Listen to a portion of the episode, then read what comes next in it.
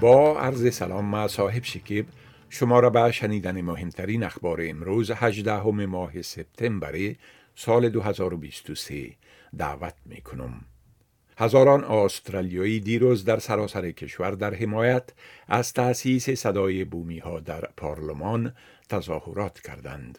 حامیان این پیشنهاد پیش از انجام همپرسی درباره آن در 14 اکتبر در پایتختهای ایالتی و شهرهای اطرافی استرالیا راهپیمایی کردند. پس از آن که یک نظرسنجی هفته گذشته نشان داد که پیشنهاد برای جا دادن یک هیئت مشورتی بومی در پارلمان از طریق ذکر آن در قانون اساسی احتمالا رد خواهد شد حامیان صدای بومی ها معروف به یس کمپین حضور خود را در بین جامعه افزایش دادند. این در حال است که مخالفین سرشناس این پیشنهاد یا نو کمپین در مورد اینکه آیا در صورت ناکامی پیشنهاد صدای بومی ها مذاکرات در مورد عقد یک معاهده با بومیان را ادامه خواهند داد یا نه اختلاف نظر دارند.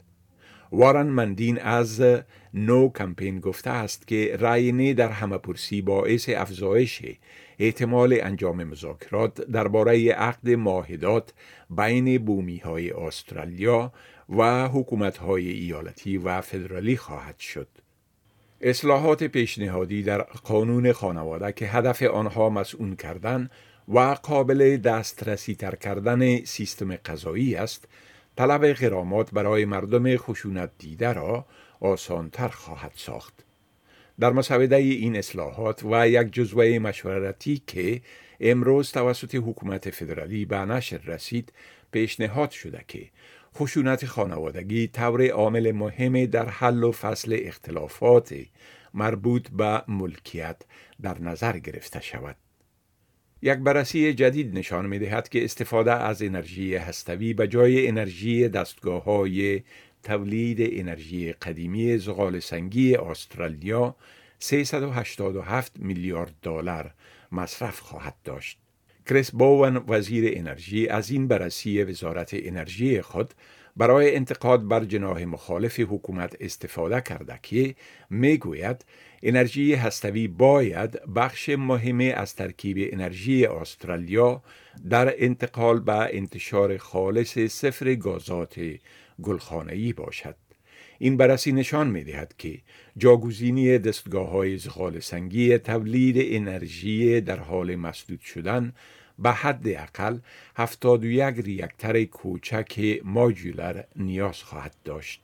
پروگرام جهانی غذا می‌گوید که جنگ چند دهه‌ای اوضاع بد اقتصادی و تغییرات اقلیمی بر زندگی افغانها تأثیر ناگوار گذاشته و 15 میلیون افغان را مجبور کرده که هر شب گرسنه بخوابند.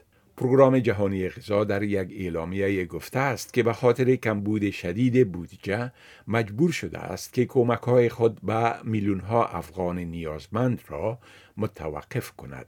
این اداره ملل متحد می گوید که پیش از پایان فصل زمستان به یک میلیارد دلار نیاز دارد تا بتواند میلیون ها خانواده را از زمستان سخت افغانستان نجات دهد.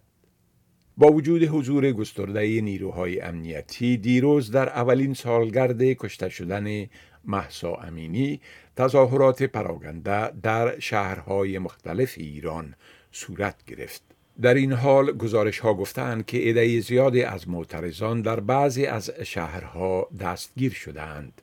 طبق یک گزارش بی بی سی کاهش سرعت اینترنت و محدودیت های مرتبط به میارهای اطلاع رسانی آزاد گزارش دیهی از اعتراضات در ایران را با مشکل مواجه کرده است.